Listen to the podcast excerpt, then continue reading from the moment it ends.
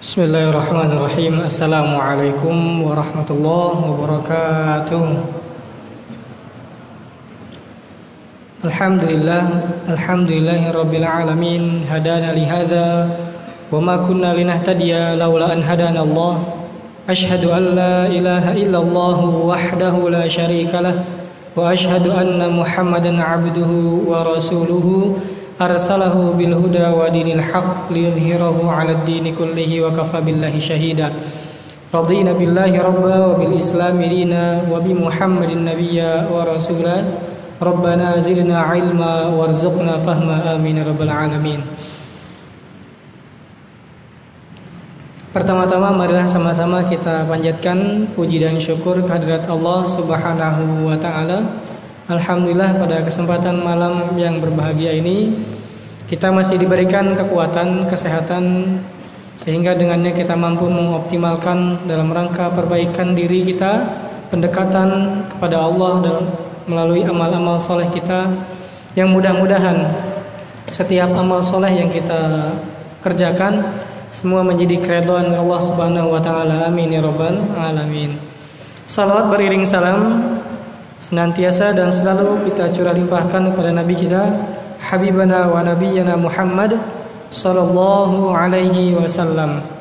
Kepada keluarganya, istri-istrinya, para sahabat, tabi'in, tabi'ut tabi'in sampai kepada kita selaku umatnya yang berusaha untuk meneruskan risalahnya dan kelak berharap nanti di surga akan bersama dengannya mendapatkan syafaatnya. Amin ya rabbal alamin ikhwan dan akhwat yang dirahmati dan dimuliakan oleh Allah subhanahu wa ta'ala pada kesempatan malam yang berbahagia ini izinkanlah kami hari ini akan sharing-sharing dengan satu tema yang menjadi pembahasan kita hari ini yaitu tentang maksiat. Karena maksiat ini adalah sebab terbanyak yang membuat manusia masuk ke dalam neraka. Dalam Quran surat Al-Jin Allah katakan, "Wa may ya'sillaha wa rasulahu fa inna lahu nar jahannam khalidina fiha." Yang artinya barang siapa yang bermaksiat kepada Allah dan Rasulnya maka baginya tempatnya adalah di neraka dan dia kekal di dalamnya. Karena betapa bahayanya efek dari melakukan perbuatan maksiat ini penting kiranya kita akan bahas. Terlebih lagi teman-teman sekalian bahwa maksiat di kalangan khususnya yang hadir ini rata-rata masih muda ya. Maksiat di kalangan anak muda ini sudah menjadi sesuatu yang biasa atau lazim ya. Bahkan di berbagai macam berita-berita di media televisi atau media sosial banyak sekali kasus-kasus yang terjadi yang mungkin membuat kita hari ini geleng-geleng kepala kok bisa dari kasus-kasus yang tidak pernah terjadi sebelumnya kenapa tiba-tiba sekarang muncul dan mungkin kasus itu adalah seperti gunung es yang di atasnya terlihat kecil tapi di bawahnya masih banyak lagi.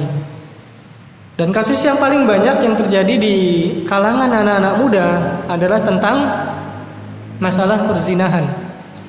Maka perlu kitanya kita angkat pembahasan hari ini lebih spesifik lagi maksiat yang berkaitan dengan anak-anak muda. Teman-teman yang rahmati dan dimuliakan Allah Subhanahu wa taala, dalam prakteknya baik itu pemerintah ataupun uh, orang tua khususnya ya, pasti sudah melakukan pengawasan-pengawasan atau benteng-benteng untuk melindungi anak-anaknya daripada terjerumus ke dalam yang namanya perzinahan ya. Namun yang perlu kita tekankan setiap kita berbicara tentang benteng daripada perzinahan itu hanya sebatas bentuknya fisik saja. Ya, bentuknya sekedar bentuk fisik. Padahal benteng yang paling kuat agar kita terhindar dari yang namanya perzinahan adalah dengan memperkuat keimanan. Saya ulang lagi, Benteng yang paling kuat agar kita terhindar daripada maksiat dalam kategori khususnya bagi anak muda yaitu yang berkaitan dengan zina adalah dengan keimanan. Karena dengan iman ini yang mampu menjadikan anak-anak muda kita ini selalu merasa diawasi oleh Allah Subhanahu wa taala tanpa perlu pengawasan manusia. Karena betapa banyak pengawasan-pengawasan yang berupa fisik tidak mampu mencegah atau menghentikan yang namanya eh, kasus-kasus perzinahan. Maka perlunya kita dalami bagaimana iman itu ditanam di dalam diri anak-anak muda sehingga menjadi benteng daripada terhindar dari yang namanya perzinahan.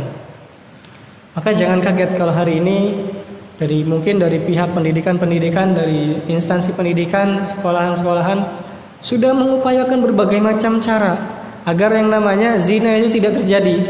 Tapi dalam prakteknya masih banyak. Ya, bahkan kasus terus bermunculan. Kenapa? Karena tidak menyentuh dari sisi iman. Karena memang solusi yang paling tepat adalah saat kita membangun keimanan, membentengi jiwa anak-anak muda dengan keimanan. Karena di sisi lain, usia-usia seusia antum ini, seusia kita ini adalah usia sedang matang-matangnya biologis kita. Betul? Usia-usia kita sedang matang-matangnya biologis.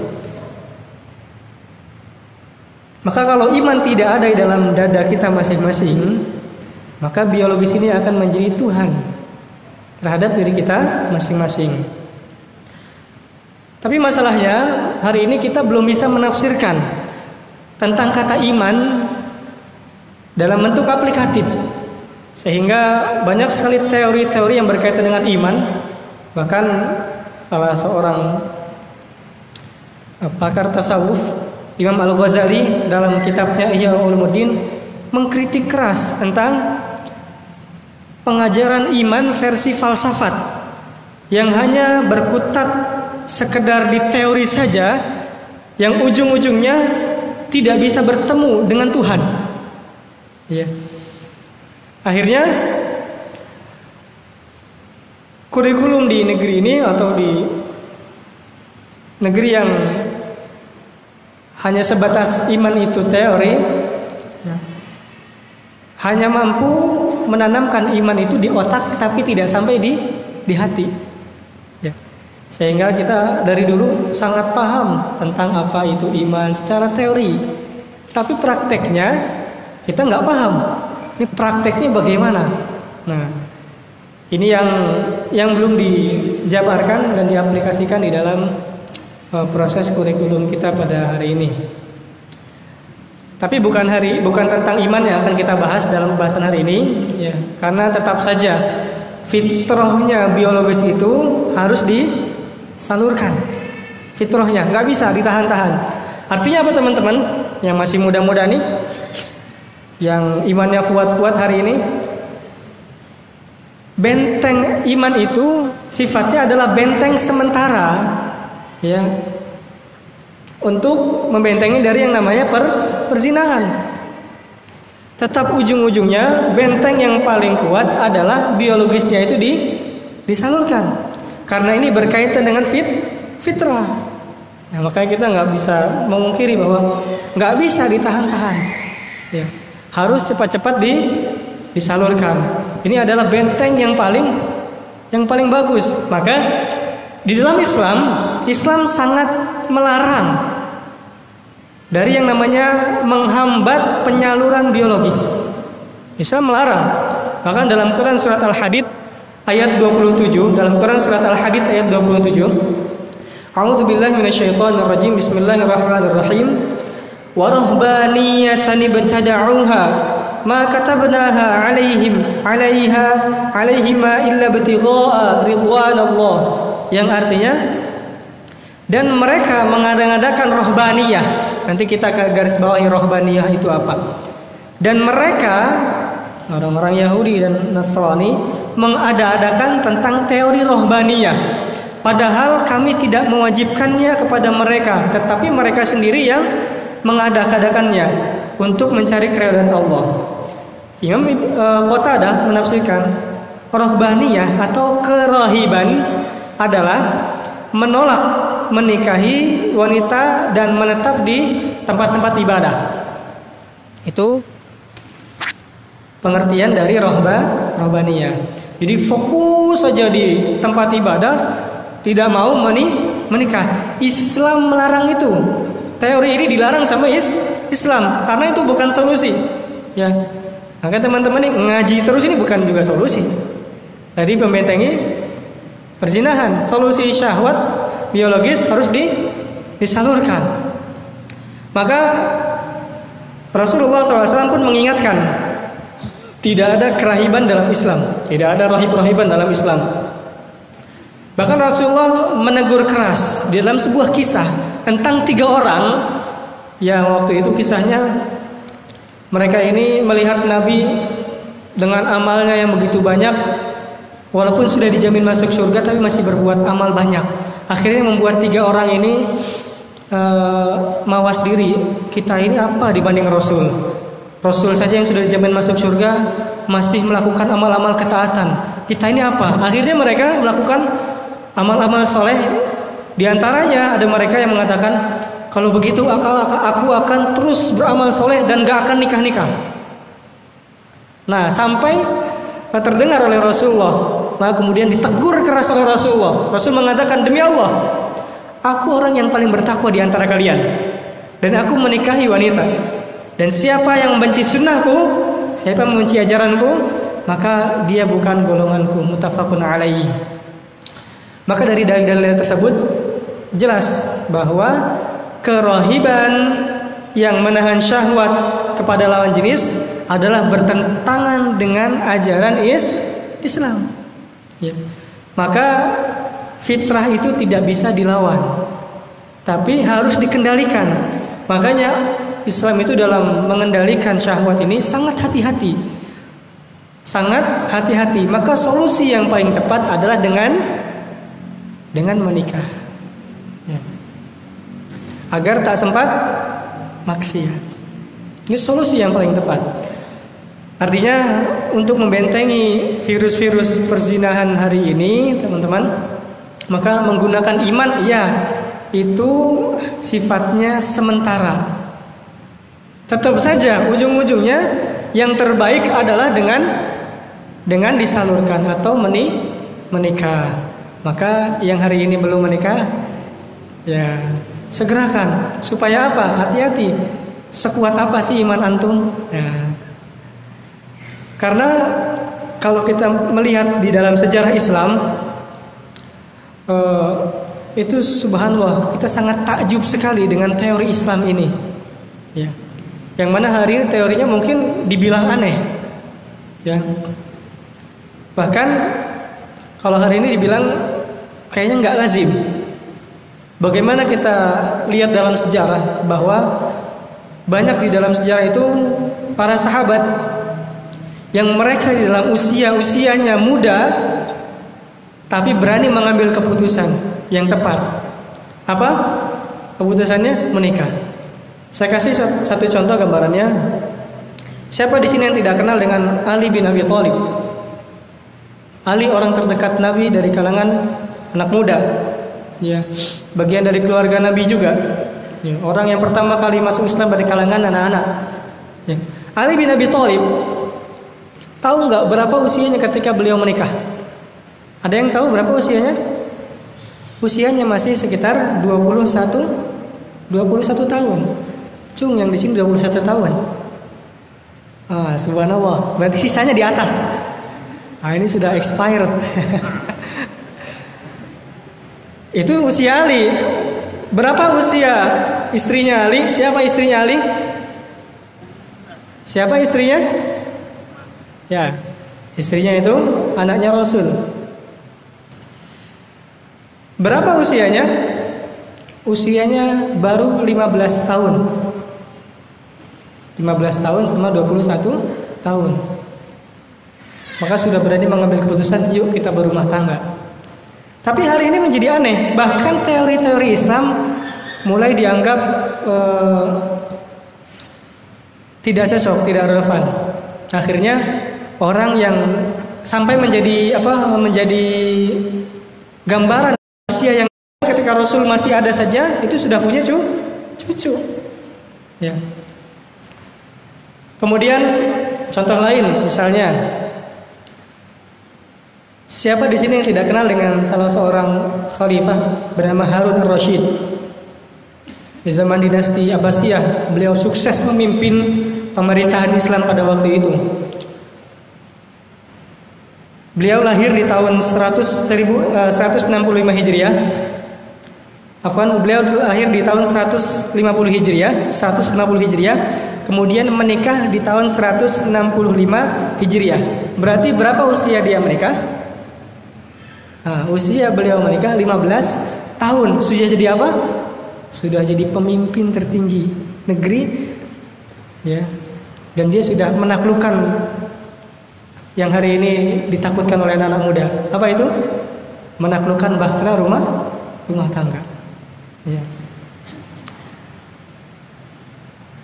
Maka mari sekarang hari ini di sesi yang pertama ini kita renungi dalam-dalam ya Mana sih yang lebih hebat? Ali bin Abi Thalib, Harun ar-Rasyid atau kita? Mana yang lebih lebih baik peringkatnya antara Harun ar-Rasyid, Ali bin Abi Thalib atau kita? Tentu tidak bisa kita pungkiri bahwa mereka itu orang-orang hebat. Dan ternyata diawali dari cara-cara yang hebat. Maka hari ini di antara kenapa banyak terjadi maksiat khusus di anak-anak muda tentang perzinahan bahkan kalau saya baca-baca berita-berita itu wah sudah parah sekali berita-berita tentang pergaulan bebas di usia remaja. Anak SMP sudah hamil di luar nikah dengan teman SMP-nya anak SMP sudah hamil dengan adiknya sendiri yang masih SD itu terjadi di Indonesia. Baca berita kacau negeri ini. Maka caranya bagaimana? Yuk kita lihat kepada sejarah. Apalagi sekarang ini ada peraturan baru ya, bahwa yang di atas 19 tahun itu tidak boleh nikah. Boleh nikah tapi dengan surat dari pengadilan. Ya, antum yang 19 tahun sabar dulu imannya dikencengin. Ya, aturan negara kita nggak boleh. Ya, 19 tahun ke atas baru boleh.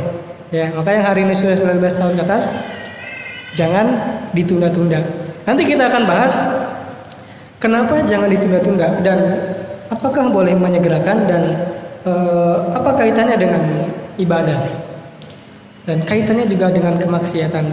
Insya Allah kita akan bahas panjang lebar di sesi kedua. Billahi taufiq wa hidayah. Wassalamualaikum warahmatullahi wabarakatuh. Bismillahirrahmanirrahim. Assalamualaikum warahmatullahi wabarakatuh. Alhamdulillah Alhamdulillah Fardus samad Lam yalid Walam yulad Walam yakul lahu kufuan ahad Allahumma salli ala Muhammadin Wa ala alihi Wa ashabihi Wa man tabi'al huda Ila yaumil qiyamati Wa ba'd Baik ikhwan dan akhwat yang dirahmati dan dimuliakan oleh Allah Subhanahu wa taala. Di sesi yang pertama eh, tadi kita sampai di pembahasan tentang sebuah kisah bahwa di zaman Rasul atau di zaman dahulu, di zaman kebesaran Islam bahwa usia-usia muda itu sudah berani mengambil keputusan untuk berumah tangga. Mengapa hari ini e, kok di zaman kita mengalami kemunduran? Mundurnya jauh dari usia 19, 15 sampai usia kadang 27, kadang 28. Bahkan di kalangan para selebriti itu sampai 40 ya 30 lah ya 30-an itu baru baru bangun tangga ya apa sebabnya baik mari sama-sama uh, kita meneliti di dalam Quran surat Nur ya. dalam Quran surat An-Nur ini dalam Quran surat An-Nur ini sangat istimewa teman-teman karena ini berisi tentang penjelasan-penjelasan. Di awal suratnya saja Allah katakan suratun anzalnaha, surat yang kami turunkan. Itu ditegaskan sama Allah. Bukankah semua surat itu turunnya dari Allah? Tapi kenapa di surat An-Nur ini ditegasin lagi? Surat yang kami turunkan dan kami wajibkan di dalamnya menandakan bahwa di dalam Quran surat An-Nur ini ada penjelasan-penjelasan yang penting. Dan memang luar biasa sekali kalau teman-teman baca artinya surat An-Nur ini, kemudian susunannya, kemudian sebab nuzulnya, kisah-kisahnya itu semuanya penuh dengan materi-materi yang berkaitan dengan kehidupan kita pada hari ini. Hari ini kita mengambil beberapa ayat saja karena terlalu banyak kalau kita mengambil keseluruhan. Kita akan mengambil uh, dari mulai Quran surat An-Nur ayat 30, 31 32 dan 33 ya. Dalam Quran surat An-Nur Quran surat An-Nur ayat 30 Allah mengatakan yang pertama bagi laki-laki yang beriman. Kemudian ayat 31-nya bagi perempuan yang beriman. Nah, Quran surat An-Nur ayat 30 itu buat bagi laki-laki, yang ke 31 buat perempuan. Nah ini coba dibaca masing-masing punya versinya yang berbeda. Panjang yang perempuan, yang laki-laki dikit. Ya, laki-laki itu cuma ya, dikit 30, perempuan panjang. Ini pesannya sama. Yang pertama, Qulil mu'minina yaghuddu min absarihim. Katakanlah pada laki-laki agar mereka mau menundukkan pandangannya. Jaga pandangan biar tidak berkeliaran, apalagi di zaman hari ini yang tidak diundang datang sendiri. Itu setan-setan, betul? Setan-setan gak diundang datang sih, dat ada aja. Lagi baca Quran saja ada setannya nih datang. Alhamdulillah. Maka perintahnya semakin kuat kita praktekkan hari ini. Hei laki-laki, tolong jaga matanya. Ya. Wakul mu'minin yaghuddu min absarihim wa yahfazu furujahum dan jaga kemaluannya. Kemudian bagi yang perempuan banyak, tapi ada dua yang sama juga. Dan bagi perempuan yang beriman, tolong dijaga juga pandangannya. Dan juga dijaga juga kemaluannya. Dua yang sama ya. Menjaga pandangan dan juga menjaga kemaluan. Satu pandangan adalah panah-panah iblis. Mulanya permasalahan zina itu dari mana? Dari ma mata. Makanya perintah yang kuat adalah menjaga pandangan.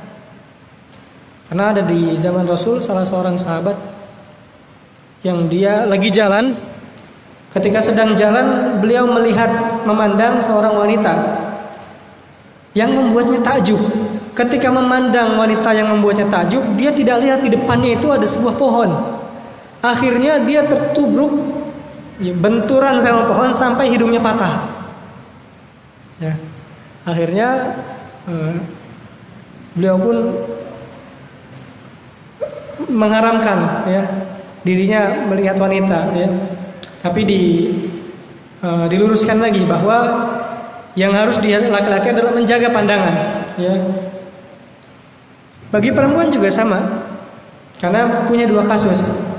Laki-laki tertarik dengan perempuan dari pandangan dan perempuan juga tertarik dengan laki-laki dari pandangan. Maka ini faktor pertama yaitu melihat fisik memang faktor pertama. Kemudian menjaga kemaluan. Ini faktor berikutnya proses panjang syaitan adalah sampai ke closingnya setan itu apa? Zina. Nah, setan kan marketing maksiat. Tiap hari nyari terus sampai udah closing zina. Oh, nah, satu closing satu kan. Begitu. Nah, closingnya apa? Maksiat, zina. Maka tolong dijaga. Kemudian ada kaitan dengan ayat 32. Baik. Apa kaitannya ayat 31 30 31 ke ayat 32? Dalam ayat 32, A'udzubillahi minasyaitonir rajim. Wa ankihul ayama minkum.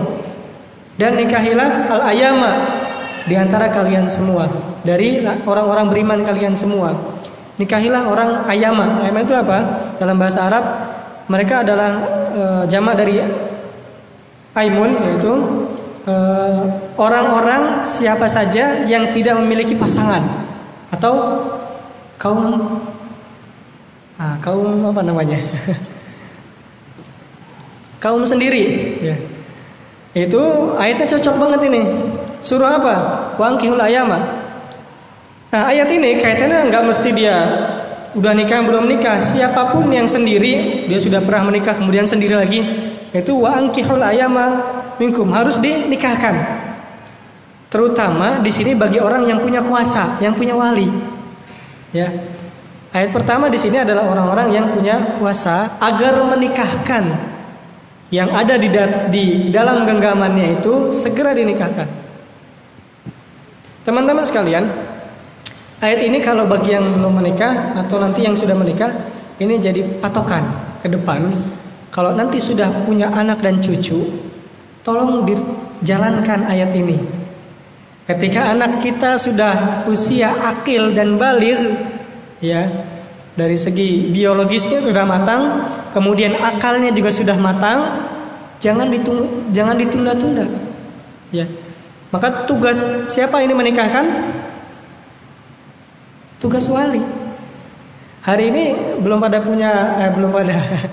Yang belum menikah alasannya rata-rata kan klasik. Apa kira-kira? Rata-rata apa kalau belum nikah?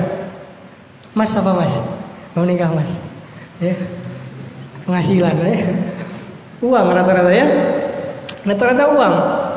Maka nanti ke depannya ini calon orang tua kalau anaknya sudah mampu tolong dibiayain.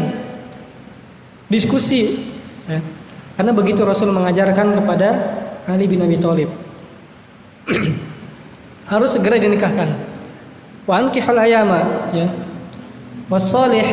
Min wa imaikum dan orang yang layak Nah, didahulukan di sini uh, al-ayama daripada orang yang layak. Kenapa? Karena orang yang di dalam tanggungan itu dia menunggu ya, menunggu keputusan. Ini siapa ya? Nunggu keputusan wali dan juga nunggu yang datang juga. Maka kalau menunggu ayat ini cocok buat yang punya kuasa, tolong disegerakan, jangan ditunda-tunda. Ya, kalau dirasa sudah sanggup atau sudah mampu. Nah, maka dalam sebuah hadis dikatakan juga, ya ma'asyara syabab, wahai anak-anak muda nih, man istata'a minkumul ba'ah. Barang siapa yang sudah sampai ba'ah, falyatazawwaj. Maka nikah, jangan lama-lama. Ya fa inna fa innahu aghaddu lil basari wa ahsanu farji. Sungguhnya menikah itu bisa menjaga pandangan. Ya. Kaitannya dengan ayat 30 dengan 31 lihat. Solusi paling tepat untuk menjaga pandangan dengan apa? Dengan menikah. Ya, kalau masih sendiri kan jelalatan, betul? Lihat yang cantik dikit, wah diliatin dipandang terus. Apalagi kaum pinggir jalan yang suka nongkrong di pinggir jalan, setiap yang lewat diseleksi, uh, dipandangi, dinikmati 5 detik, 5 detik, terus begitu ya. Tapi kalau sudah punya pasangan, nggak bisa ya, ya. Mau ngeliat ke sana dikit, senggol, ada alarm, ya. Maka paling tepat untuk menjaga pandangan apa? Ya menikah. Ya. Makanya benar solusinya syahwat itu harus disalurkan. Dan cara menjaga paling efektif menjaga pandangan bagaimana? Cari alarm. Ya. Ini jelalatan pasti ada yang nyubit. Nah, Begitu ya. Ini kaitannya Allah alam dengan ayat 30 dan 31. Kemudian di dalam sebuah asar perkataan para sahabat di antaranya Umar bin Khattab. Umar bin Khattab mengatakan biasanya la yang menya'un nikah tidak ada yang menghalangi nikah kecuali dua perkara kata Umar bin Khattab. Satu ajazun lemah Dua, fujur. Maksiat. Ya, jadi dua yang menghalang nikah biasanya satu lemah, dua maksiat. Maka hal ini teman-teman sudah sanggup cepat-cepat sebelum nanti dimarahin sama Umar. Ya, antum kalau belum nikah nih biasa dua. Kalau nggak sedang bermaksiat, satu dengan sedang masih lemah, cepat dikuatkan. Bahkan Abdullah bin Mas'ud mengatakan, kalau seandainya hari-hariku tinggal 10 hari, kemudian aku wafat, maka aku tidak akan sia-siakan hidupku itu untuk menjomblo. Kata siapa? Abdullah bin Mas'ud. Aku benci bertemu dengan Allah dalam keadaan membujang. Apa? Saking takutnya ketemu sama Allah dalam kondisi at-tabattul atau membujang, nggak mau. Ini sangat pentingnya mendesaknya tentang perihal ibadah nikah. Maka Rasul pun begitu dalam apa prakteknya. Ada salah seorang uh, wanita mendatangi Rasul.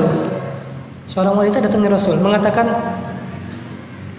"Ya Rasulullah, aku menyerahkan diriku kepadamu." Maksudnya untuk dinikahkan. Kemudian Rasul melihat, tapi Rasul tidak menjawab. Artinya dalam artian Rasul tidak tertarik. Kemudian ada salah seorang sahabat lagi yang berdiri, "Ya Rasul, kalau engkau tidak tertarik dengannya, berikanlah dia kepadaku." Nah, langsung cepat nih responnya. Kemudian uh, Rasul mengatakan, antum punya apa? Ditanya dulu. Ya, ini karena merupakan rukun. Antum punya apa mau nikahin dia? Kemudian dia menjawab, aneh nggak punya apa-apa. Coba antum cari dulu sesuatu yang antum miliki itu apa. Selek coba antum pikir-pikir dulu. Siapa tahu antum punya sesuatu. Akhirnya sahabat itu mengatakan, ya saya punya Rasulullah punya pakaian yang saya pakai. Ya. Saya punya pakaian yang saya pakai. Kemudian kata Rasul, pakaian itu kalau kamu kasihkan pada dia, kamu pakai apa? Kalau dijadiin sebagai mahar, itu kan jadi milik dia. Nah, terus kamu pakai apa? Ya. Akhirnya kata Rasul, cuma cari sama keluarga di rumah, siapa tahu ada sesuatu. Dia cari rumah, nggak dapat juga. Ya Rasulullah nggak punya sesuatu. Rasul bilang, iltamis walau khatamun min hadid. Cari walaupun cincin yang terbuat dari besi. Ya, ada misalnya apa? Mur itu yang ini yang cocok sama jari ah itu. Kira-kira seperti itu ada nilainya dikit lah, berapa dua ribuan. Ambil, sok. Rasul sampai begitu, cari walau cincin dari besi. Ya kan motor-motor tuh ada mur-mur tuh. Nah, sampai begitu Rasul untuk supaya tidak digugurkan rukunnya Akhirnya nggak ketemu juga. Akhirnya Rasul bilang gini, ya udah, antum punya hafalan nggak? Ya, anda punya hafalan. Ya udah, hafalan itu yang jadi mahar. Akhirnya jadi nikah. Simpel nggak kira-kira? Hari ini antum punya motor, pekerjaan ada, kontrak ya. Nah, kurang apa lagi coba? Ya, masih menunda-nunda. Dua kalau kata Umar. Kemudian bagaimana juga kisah Rasul menikahkan Ali bin Abi Thalib. Ketika Ali juga anak muda yang belum punya ya belum kaya lah ibaratnya anak muda yang nggak kaya yang penghasilannya nggak besar Ali itu karena Ali juga masih tinggal numpang di Rasulullah Ali itu maka ketika terdengar Fatimah sudah membuka pintu lamaran banyak yang datang ya Umar sampai datang pengen nikahin anaknya Rasul cuma ditolak sama Rasul karena terlalu tua ya Kemudian akhirnya Ali berbincang-bincang sama temannya, kata temannya, Ali, kamu sudah tahu bahwa anak Rasul sudah membuka lamaran. Maka Ali mengatakan, saya tidak tahu. Maka kata sahabatnya, cepat sebelum diambil sama orang, cepat. Nah ini sahabat yang baik itu mendukung, bukan ngejatohin. Ya, antum mau nikah? Oh, kayak gini nikah. Bukan sahabat namanya ngejatohin. Ini lagi proses perjuangan, semangatin ya. Maka didorong terus disemangatin maju sampai bertemu dengan Rasulullah dengan mental pede. Nih kunci awal tuh apa? Pede. Ini kunci pertama Ali pengen nikahin tuh apa? Pede. Pede aja. Sampai dalam sebuah riwayat dari Bariroh diriwayatkan Ali sampai ke Rasul itu diem, nggak ngomong apa-apa, duduk aja samping Rasul. Diem. Sampai Rasul yang mengatakan mengungkapkan pertanyaan pada Ali. Ali halaka min hajah Ali ada perlu apa ente ke sini nah, tumen-tumenan datang ke sini ya. kemudian langsung Ali mengatakan saya pengen meminang Fa Fatimah kemudian Rasul mengatakan ya udah punya apa pertanyaan sama kan? Punya apa? Nah ini wajar. Kalau nanti ada mertua nanya antum ente mau nikahin anak saya punya apa? Nah itu wajar. Ya karena nggak sembarangan orang boleh nikahin anak-anak kita ini. Harus punya visi misi yang jelas. Silakan antum presentasikan. Kalau nikah itu seperti apa? Harus begitu. Antum harus bawa flash disk. Nih begini calon uh, bapak ya. Ini kalau nanti menikah begini begini begini. Oh, ini yakin jadinya. Jangan mau nikah uh, antum mau apa? Saya serahkan pada Allah. Ya. Gimana pengen yakin ya kan? Rasul saja begitu. Antum punya apa? Ali menjawab, saya belum punya apa-apa nih. Rasul lagi ngingetin, ladirul hutomiyah. Dulu kan aneh pernah kasih Ali. Kasih apa Rasul? Baju besi. Baju besi yang udah rusak, udah patah. Baju besi yang sudah patah. Sampai Ali mengatakan ladirul hutomiyah, penekanan lagi dari Ali. Baju besi yang itu ya Rasul? Iya yang itu. Artinya apa? Sampai Ali itu sebenarnya nggak mau menjadikan baju besi itu sebagai barang mahal, nggak mau karena nggak layak. Tapi nggak ada lagi ya udah. Akhirnya ya udah ke sini itu aja. Itu lihat Rasul syaratnya atau rukunnya tetap dijalankan tapi dipermudah. Dan juga buat nanti calon orang tua anaknya dipermudah, jangan dipersulit. Ya, kamu punya apa? Nanti nikahan di gedung mana nih? Ya, yang tingkat atau yang ya, macam-macam pertanyaannya.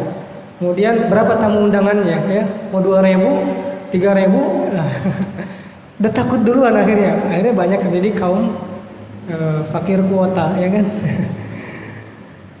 yang terjadi seperti itu banyak terjadinya orang-orang yang takut untuk menikah karena apa? Karena syariat tidak dijalankan. Antum nih ke depan kan jadi bakal jadi calon orang tua, betul? Maka punya tanggungan, praktekin ayat ini Quran Surat Nur ayat 31 dan nikahkanlah kalau sudah cukup. Nikahkan. Dalam ayat berikutnya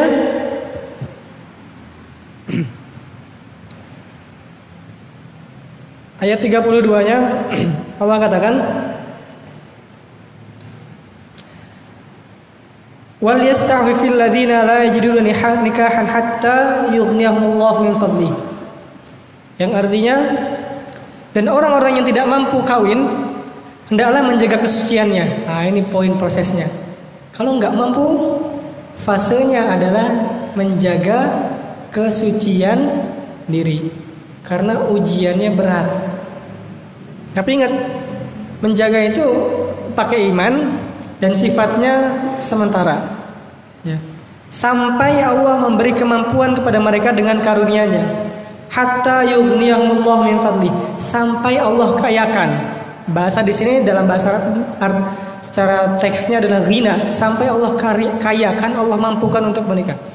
Maka dalam sebuah hadis dikatakan di antara kewajiban Allah adalah Allah mengayakan orang-orang yang mau menikah dengan tujuan menjaga diri. Maka hari ini teman-teman kok masih sulit saja dalam proses pencarian dana untuk menikah. Tanya tujuan nikahnya untuk apa? Ya. Sudahkah untuk mensucikan diri atau untuk sekedar uh, memenuhi story-story media sosial? Ya, ikut-ikutan trending saja. Ya. Karena teman nikah akhirnya ngerasa kayak dibalap, dibalap, dibalap, ngerasa kayak balapan terus disalib terus ditikung terus. Ya. Niatnya untuk apa? Karena ini bukan cuma sekedar soal rasa ketemu atau suka jadi, enggak, enggak seperti itu. Ya. Bahkan di antara perjanjian yang akan Allah tagih sampai hari kiamat di antaranya apa? Perjanjian yang kuat yaitu nikah juga. Nanti ditanya sampai hari kiamat. Ente ngapain nikah? Ya, masih ditanya juga nanti. Ya. Maka kalau tidak punya jawaban, maka jawaban yang paling tepat adalah bangun dulu keimanan. Bangun dulu keimanan. Di zaman Rasul setelah diteliti, kenapa mereka orang-orang yang siap di dalam usianya dalam menikah muda? Mereka orang-orang yang sudah terbangun imannya, yang sudah digembleng keimanannya ketika dalam kondisi Islam awal-awal muncul di Mekah. Ya. Mereka orang yang sudah kuat ngajinya sama Rasul, mereka rajin taklim sama Rasul sehingga dibentuk dalam kesehariannya dalam ujian-ujian dari materi-materi bersama Rasul langsung diaplikasikan. Maka imannya terbentuk. Maka di usia yang muda mereka sudah bisa mengamalkan tentang ibadah nih nikah. Nah hari ini kita kan nikah itu sekedar pengen trending saja ikut-ikutan. Misalnya bisa jadi seperti itu. Ya atau kepaksa. Aduh udah tua kepaksa. Ya. Nikah itu bukan kepaksa. Tapi punya visi yang jelas. Ya. Beda antara orang yang dia kepaksa nikah dengan menyiapkan nikah. Maka ayatnya di sini kita harus dapat la yajiduna sampai dapat ya dapat dari segi materi dapat dari segi non materi juga ya jangan sampai non materinya dapat tapi materinya tidak dapat ini juga jadi pincang jadi siap berumah tangga tapi dalam finansialnya saja. Tapi dalam keilmuan nggak tahu. Ketika ditanya nanti ke depan mau ngapain? Terserah ngalir gimana nanti aja. Nah itu repot tuh kalau udah skemanya begitu ngalir gimana nanti aja. Ini kalau alirannya ada belokan dia ikut belok. Ini kalau banjir ikut banjir. Itu gimana nanti? Harus dipikirkan nanti gimana? Ya. Harus tahu. Landasnya semua patokannya kepada ayat-ayat Quran kalau ada masalah itu bagaimana? Di Quran semua sudah dijelaskan. Kalau ada selek komunikasi itu bagaimana menyikapinya? Kalau kurang keilmuan ada miskomunikasi rata-rata kan? Yang banyak terjadi dalam rumah tangga keretakan itu karena miskomunikasi bukan karena faktor syariat rata-rata karena miskomunikasi. Karena komunikasi yang buruk. Akhirnya apa? Jadi retak nah kalau tidak dibingkai dengan ayat-ayat Quran ini larinya ke mana larinya kepada nafsu pengennya apa sebel marahan terus nah, udah kalau sudah marahan itu awal kunci keretakan rumah tangga tuh jadi kalau nikah kan kita pikir enak aja. Enak-enaknya terus iya enak, bener. Tapi pikirin kalau dia marah tuh gimana? Ya. Dan kalau kita marah tuh bagaimana? Nah, harus dipikirkan seperti itu, menyiapkan dan Quran sudah menyebutkan itu.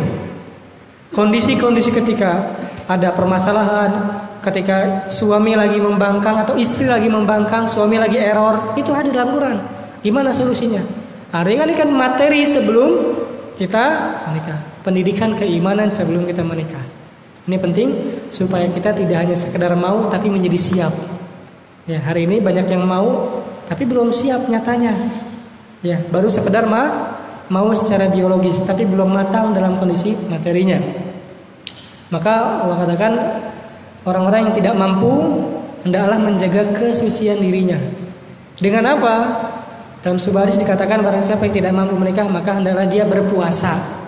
Ya. Banyak-banyak puah, puasa. Bentar lagi Ramadan, cocok. Ya, kalau belum dapat juga banyakin puasa untuk menjelang Roma, Ramadan. Nanti Ramadan makin kuat imannya. Mudah-mudahan Syawal udah terang. Ada hilal, ya kan? Muncul hilal ya. Hilal tetap muncul aja. Cuma nggak tahu undangannya kapan kan? Berdoa saja seperti itu.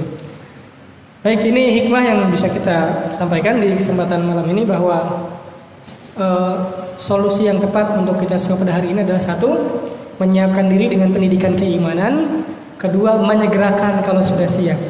Jangan menunda, apalagi kalau cuma e, permasalahannya itu materi. Karena Allah dikatakan di sini Allah mengatakan dalam Quran surat Nur ayat 32-nya sok dibaca artinya. Iyakunu fuqara yughnihimullah min fadlih. Kalau kalian fakir Allah yang kayakan. Kalau kalian miskin nggak mampu, yang ngayain siapa? Allah. Walaupun dalam prakteknya uh, habis uh, dalam prakteknya ya bahwa banyak orang yang menikah setelah menikah belum nanti juga kaya, gitu ya. Orang dia miskin kemudian setelah menikah setelah menikah belum tentu juga kaya. Ada orang yang pengen saya pengen kaya, saya menikah aja yang banyak-banyak. Nah, belum tentu. Tapi kenapa ayat ini disebutkan tentang kekayaan? Nah, di sini Allah alam dalam sebuah hikmahnya dalam sebuah tulisannya tafsir tentang Quran surat An-Nur bahwa kebanyakan orang yang setelah menikah itu Allah sanggupkan. Allah mampukan. Allah cukupkan. Ya dari yang sebelumnya tidak ada menjadi ada. Itu kebanyakan. Ya makanya dipukul rata kebanyakan. Dan kenapa Allah kaitkan di sini dengan kata kaya? Karena yang menghambat rata-rata anak muda untuk mengambil keputusan berani menikah adalah soal soal har harta. Lagi lagi maka semua dinihilkan sama Allah supaya kita punya mental kuat dari iman ini punya mental kuat sama kayak ya ibaratnya gini Ali secara rasional kan nggak punya harta realnya kan nggak punya tapi dikuatin dulu blok blok akhirnya lanjut ke depannya apa Sampai dikayakan juga sama Allah. Sampai Ali punya tempat tinggal berdua sama Fatimah. Ya. Walaupun ya uh, penghidupannya masih tetap sederhana. Tetap sebagai kuli pekerja Ali itu kuli, ya, karyawan ya, pekerjaannya. Walaupun masih seperti itu setelah menikah. Tapi setidaknya satu ibadah sudah berhasil dijalankan. Ya. Karena ini ibadah yang selalu dilambat-lambatkan oleh setan. Apa? Menikah. Ibadah yang lambat-lambatkan. Udah tinggal hari hanya aja, pasti akan ada macam-macam yang datang itu. Yang lebih cantik datang, lebih soleh, solehah datang itu macam-macam menggoda keimanan dan keimunan itu macam-macam. Ya. Kalau tidak dikuatkan dengan ayat, mundur lagi, mundur lagi. Makanya faktor utama di sini adalah disiapkan. Terutama dari kondisi iman. Karena kalau sekedar fisik mata itu relatif. Ya. Relatif ya, laki-laki itu suka dengan perempuan relatif, perempuan suka dengan laki-laki itu relatif. Semua cantik pada pandangan pertama. Betul? pandangan ke seribu mah udah sama aja. Bentuknya ya begitu ya badannya ya begitu ya sama aja udah. Ya berikutnya apa? Karakter yang muncul. Akhlak yang muncul. Maka jangan mengedepankan jangan hanya faktor dasarnya itu sekedar pandangan. Faktornya apa? Yang paling utama i iman makanya tanya dulu presentasi dulu kamu mau nikahin anak saya presentasiin bagaimana nanti begini pak pendapatan per bulan dari sini Kemudian ke depan setiap hari begini begini begini ya. Pendidikan keagamaan dan anak kita nanti wah, lu kan yakin. Ya, yakin bahwa ke depan nih keluarganya cerah. Ya, pendidikannya Quran surat An-Nur. Ya, tidak tidak apa? tidak buram lah, tidak masih gimana nanti. Nah, itu udah pendidikan suram tuh, gimana nanti. Ya, tidak punya konsep dalam berumah tangga. Baik, itu saja untuk sharing-sharing pada malam ini. Berarti rumusnya adalah yang belum siap segera menyiapkan dengan proses pensucian jiwa, pensucian diri. Bagaimana mensucikan diri? Satu, sucikan mata, sucikan hati. Jangan banyak maksiat. Makanya ayatnya 31 buat antum yang belum menikah juga. Apa? Dia gudu min absarihim, jaga pandangan, jaga pandangan. Media sosial kacau hari ini, jaga pandangan. Ya, jaga kemaluan ya. Karena pergaulan hari ini juga kacau. Yang pergaulan kacau kan pergaulan ya Hari ini pendidikan aja sekolah dicampur misalnya cowok cewek bersentuhan udah biasa. Ya, ketemu ngobrol hadap udah biasa. nggak ada rasa malu atau bagaimana ya, biasa aja. Ngobrol ketawa ketiwi terbang ya. Nah, bahkan sampai pegang-pegangan udah biasa, sentuh-sentuhan. Nah, ini makanya dalam Quran surat Nur ini dijaga tolong. Walaupun memang sudah menganggapnya biasa, itulah maksiat karena sudah tersebar jadi biasa. Tolong dijaga, sucikan tangannya. Jangan sampai sembarang sentuh. Semua disentuh sama di jangan. Sucikan matanya, jangan sampai sembarang lihat. Ya. Dan sucikan kemaluannya, jangan sampai sembarang disalurkan. Ya. Karena yang baik ketemu dengan yang baik. Quran surat Nur ayat pertama adalah pezina untuk pezina. Begitu ayat pertamanya. Dalam ayat kedua, ya saja dari saya kita akan lanjutkan dengan sesi sharing pertanyaan. Terima kasih. Ya. Terima kasih Ustaz atas materi pada malam. Oke, teman-teman kita akan buka sesi tanya jawab untuk Iwan terlebih dahulu silakan. Ada yang ingin bertanya? Silakan silakan.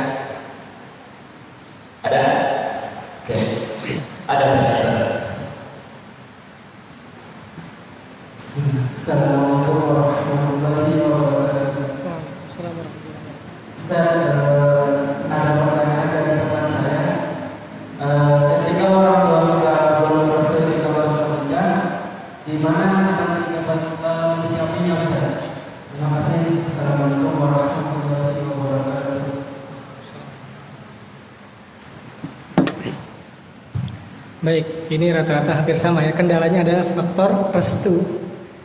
Nah, jadi caranya gimana? Ya dapetin restunya. Sederhana ya. Orang tua belum restu-restu, dapetin restunya. Caranya gimana? Ini macam-macam. Berbakti sama orang tua. Bisa ada penilaian. Kenapa orang tua menganggap belum restu? Karena anak ini dirasa masih bocah. Yakin lah kamu menikah. subuh aja masih kesiangan, nah, masih dirasa belum sanggup. Ya, yakin tak mau nikah? Handphone kamu aja game semua isinya. Nah itu kan gimana pengen yakin orang tua kan? Nanti kamu udah punya istri main game aja terus tiap hari nak. Ya, takut kan orang tua. Maka coba tolong yakinkan orang tua bahwa kita itu udah siap nikah. Ya. Bagaimana berbakti kepada kedua orang tua? Ya. Sampai muncul redonya sambil tetap di uh, sampaikan hajat antum. Ya bahwa saya sudah siap. Terus sampaikan baik-baik. Nggak masalah sampaikan saja. Karena secara fisik saya sudah mampu secara materi saya sudah mampu. Tolong bantu. Nah itu sampaikan saja secara baik-baik dengan adab dan akhlak yang baik. Maka orang itu juga akan pengertian lama-lama. Lama-lama akan pembiasaan. Ya tapi kalau nggak disampaikan ini jadi bumerang juga jadi bom waktu juga. Sekali udah tahu-tahu udah dapat wah ini bom waktu mah besok aku nikah. Wah kaget orang tua. Kamu nak tiba-tiba wah makin hancur lagi nanti. Makanya ya kasih tau lah kisi-kisi dulu. Makanya udah sudah ini sendiri terus. Nah tuh sering curhat sama orang tua. Kayaknya di Karawang sendiri terus nih di kontrakan. Nah cerita-cerita sama orang tua. Mah aku tuh nggak ada. Buka-buka terus pembahasan. Lama-lama semakin orang tua yakin. Ya maka buka restu itu yang penting kenapa sih orang tua sampai tidak memberikan restu ini kan pertanyaan dibalikin lagi. Kalau antum jadi orang tua, kenapa yang membuat antum itu tidak restu sama anak buat nikah? Karena ngerasa masih bocah. Maka tunjukkan antum itu sudah sudah siap. Lagi-lagi faktor biasanya penilaian orang tua itu faktor ekonomi. Maka tunjukkan siap kesiapan faktor ekonominya. Ini yang paling apa hari ini yang menjadi penopang utama juga di faktor ekonomi. Kecuali orang tuanya sudah paham, sudah taklim, sudah sudah paham Quran surat An-Nur. Ada yang sudah memudahkan sekali. Iya, kalau orang sudah orang tua sudah paham biasanya memudahkan. Nah, kamu udah siap nikah? Ayo nikah hari ini. Jadi, beres. Benar demi Allah, saya ketemu sama orang begitu. Ya. Kalau ketemu tuh, anu mau nikah lagi nggak? Ya. Ini sama anak saya mudah banget. Itu sudah paham ya. Sudah sudah paham ya begitu dimudahkan.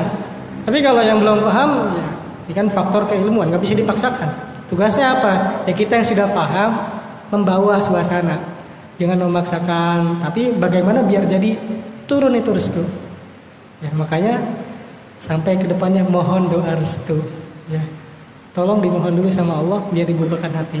Allah alam Baik, terima kasih Ustaz. Dan ini juga ada pertanyaan dari Ahmad uh, biar saya bacakan.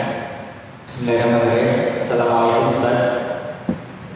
Kan kalau tahu harus ada perantara si mahramnya ya Ustaz.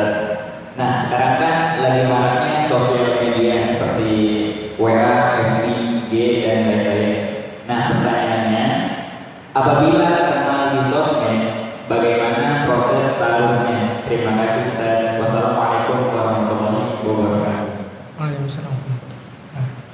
generasi milenium.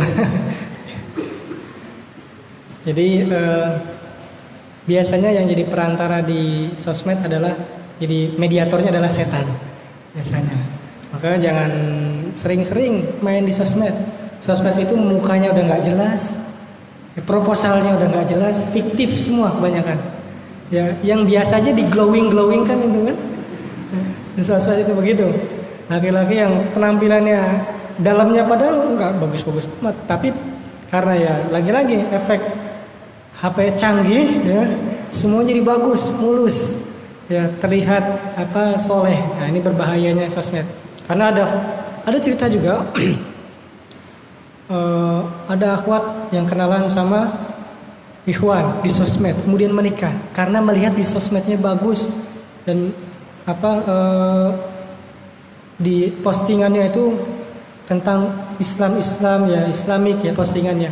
Tapi setelah menikah ternyata berjauh jauh berbanding terbalik. Nah, ini efek efek tidak kenal.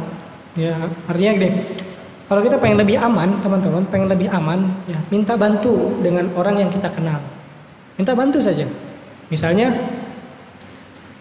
antum punya calon A, minta bantu yang kenal dengan A itu siapa? Dia yang tahu baik buruknya.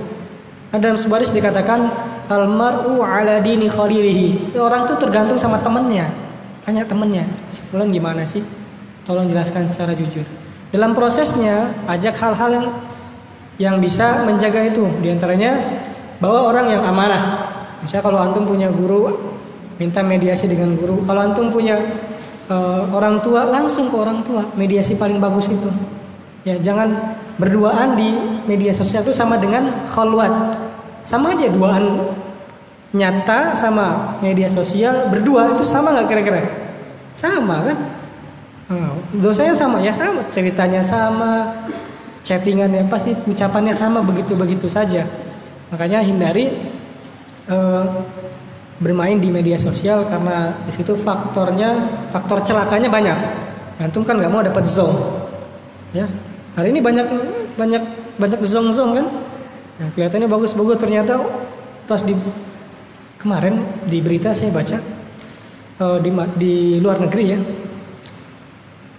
si apa pengantin ini dia kaget. Ternyata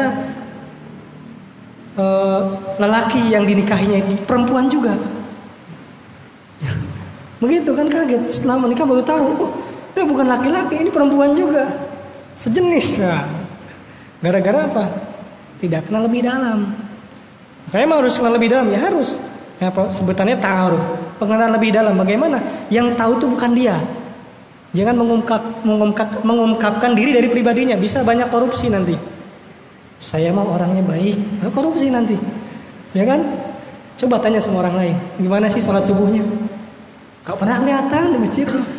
Udah alarm juga dimatiin lagi, nggak itu kan tahuan, nggak cocok. Ya. Tanya sama orang yang paling tahu sama dia gimana. Ini jangan asal-asalan ketemu bagus postingannya Islami, jadi jadi ya nggak menjamin setidaknya gini berhati-hati lebih baik daripada antum mendapat kecelakaan kan ya maka yang paling bagus Rasul itu eh, dengan orang yang sudah tahu karakternya ya atau minta bantuan dengan orang yang tahu. Misalnya Rasul kan dinikahkan oleh siapa? Dibantunya? Sama pembantunya Khadijah kan? Diminta bantuan. Ya. Khadijah tahu nih Rasul amanah tapi untuk menyampaikan ini lisan ini minta bantu. Sama siapa? Pembantunya. Nah sama kayak siapa? Ali tadi. Ali suka kan sama Fatimah? Tapi nggak langsung Fatimah I love you. Enggak. Oh zaman sekarang kan gitu. Fatimah I love you apakah kamu love me? Kan? Gitu bingung jadinya. Endingnya apa kalau mengungkapkan? Nggak jelas. Makanya tanya sama yang punya kuasa.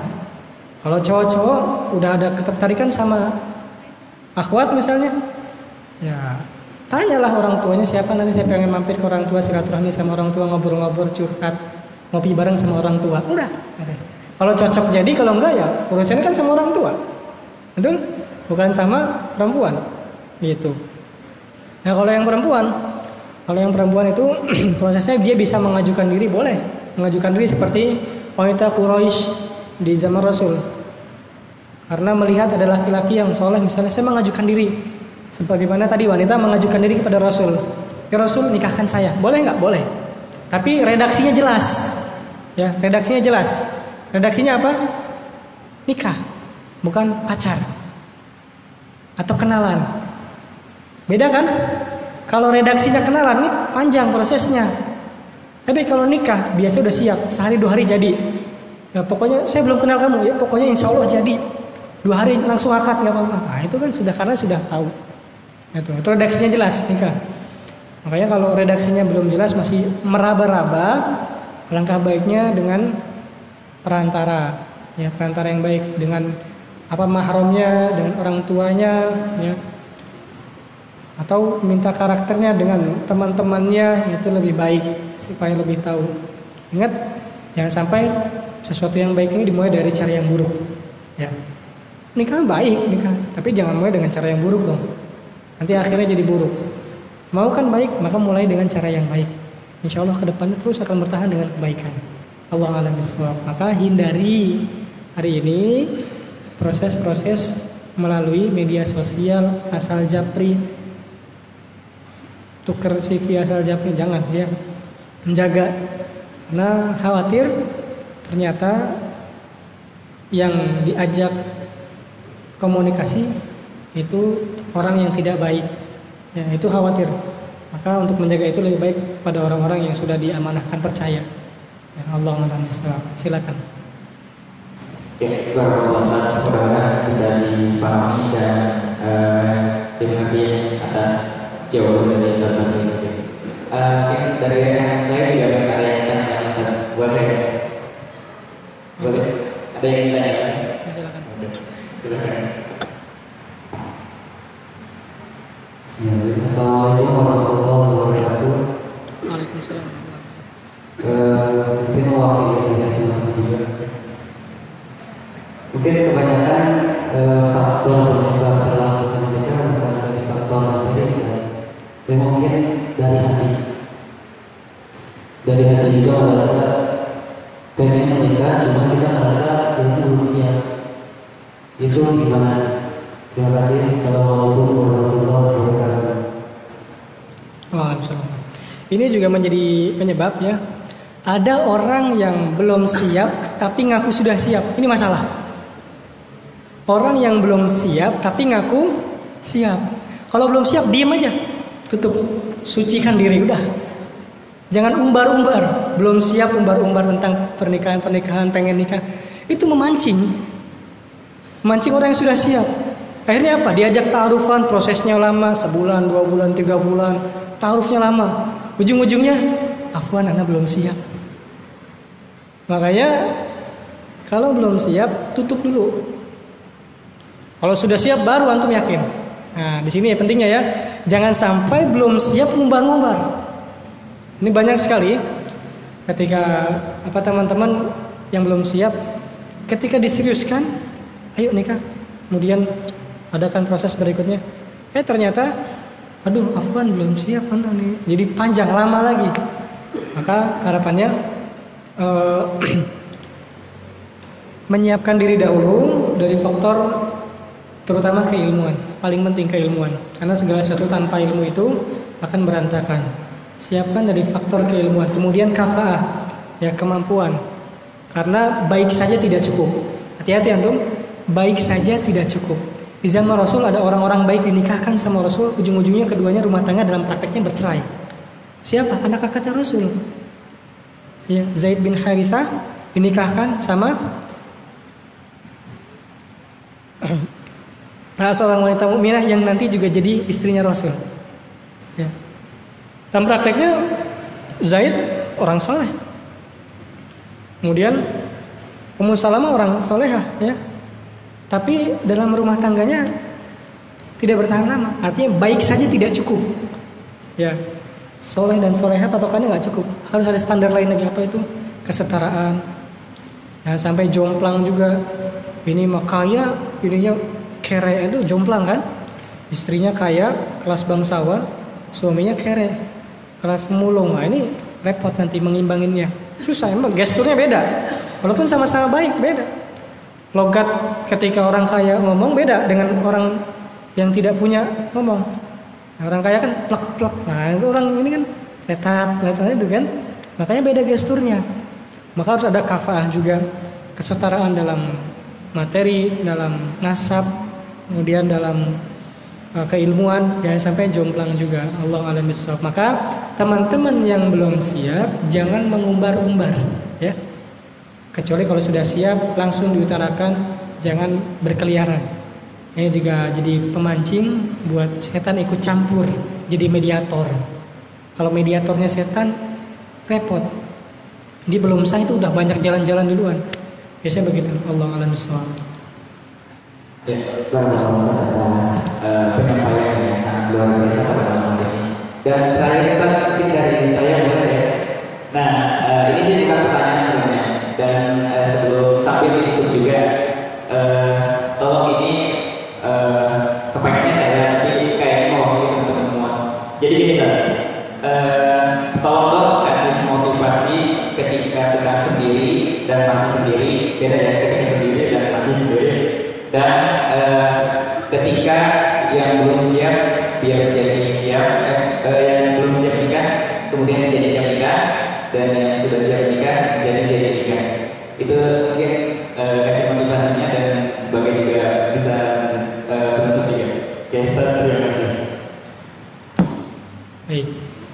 faktor penyebab eh, banyak kehilangan arah di antara juga karena tidak punya visi misi tidak punya pendongkrak pendorong. Kenapa saya harus nikah? Itu paling penting tuh. Kenapa saya harus nikah? Ini kan kaitannya dengan motivasi. Maka kaitan dengan motivasi eh, menikah itu bukan cuma sekedar kita menyalurkan syahwat tapi menikah juga adalah memperbaiki generasi bahwa ke depan harus lahir dari rahim seorang wanita generasi yang terbaik. Bahwa ke depan harus lahir pemimpin-pemimpin di dalam rumah tangga yang dipimpin oleh orang-orang hebat.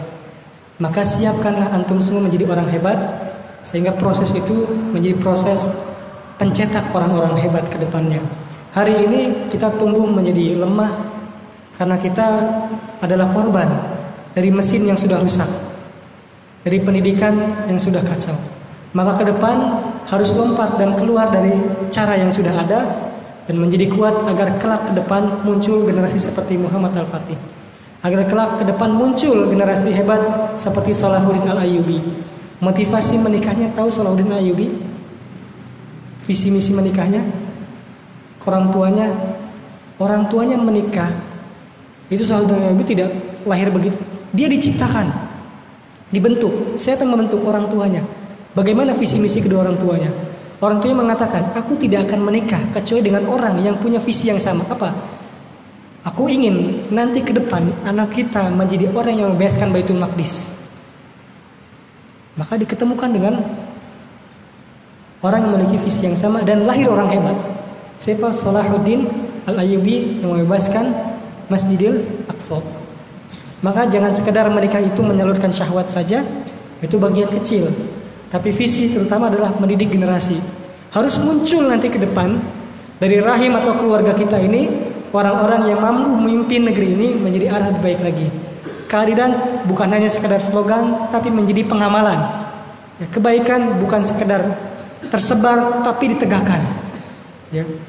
Maka dibutuhkan oleh mesin-mesin yang kuat dan mesin-mesin yang hebat. Siapa? Rumah tangga maka pilihlah bibit-bibit yang terbaik. Jangan sembarangan menikah, tapi menyiapkan diri menjadi orang-orang hebat sehingga lahir depan generasi yang hebat. Itu saja mungkin motivasi agar kita menjadi paham diri bahwa menikah ini bukan cuma lahir anak enggak, tapi harus ke depan jadi orang yang hebat. Ya, bagaimana? Orang yang senantiasa dididik dengan generasi sentuhan Al-Quran. Di antaranya. Maka teman-teman eh, dari situ teman-teman paham bahwa menikah adalah untuk memperbaiki generasi hari ini. Karena kita adalah korban dari generasi masa masa lalu. Nah, ke depan karena masyarakat adalah kumpulan dari keluarga, keluarga adalah kumpulan daripada individu. Artinya kita juga harus perbaiki agar kemudian ketemu dengan keluarga yang baik menjadi masyarakat yang baik, masyarakat yang hebat. Ya. Kita menunggu ke depan ini, ke depannya Allah alam. Ya. Apakah kejayaan itu akan kembali terulang? Dari manakah kejayaan itu memulai dan bagaimanakah prosesnya?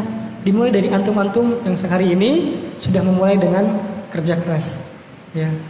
Itu saja mudah-mudahan jadi motivasi buat kita juga buat anak pribadi dan buat kita semua yang hadir di sini, buat calon para ibu bahwa ke depan ini harus didik generasi yang hebat dan calon ayah juga harus kuat pahami hak dan kewajiban dan visi misi ke depan harus seperti apa.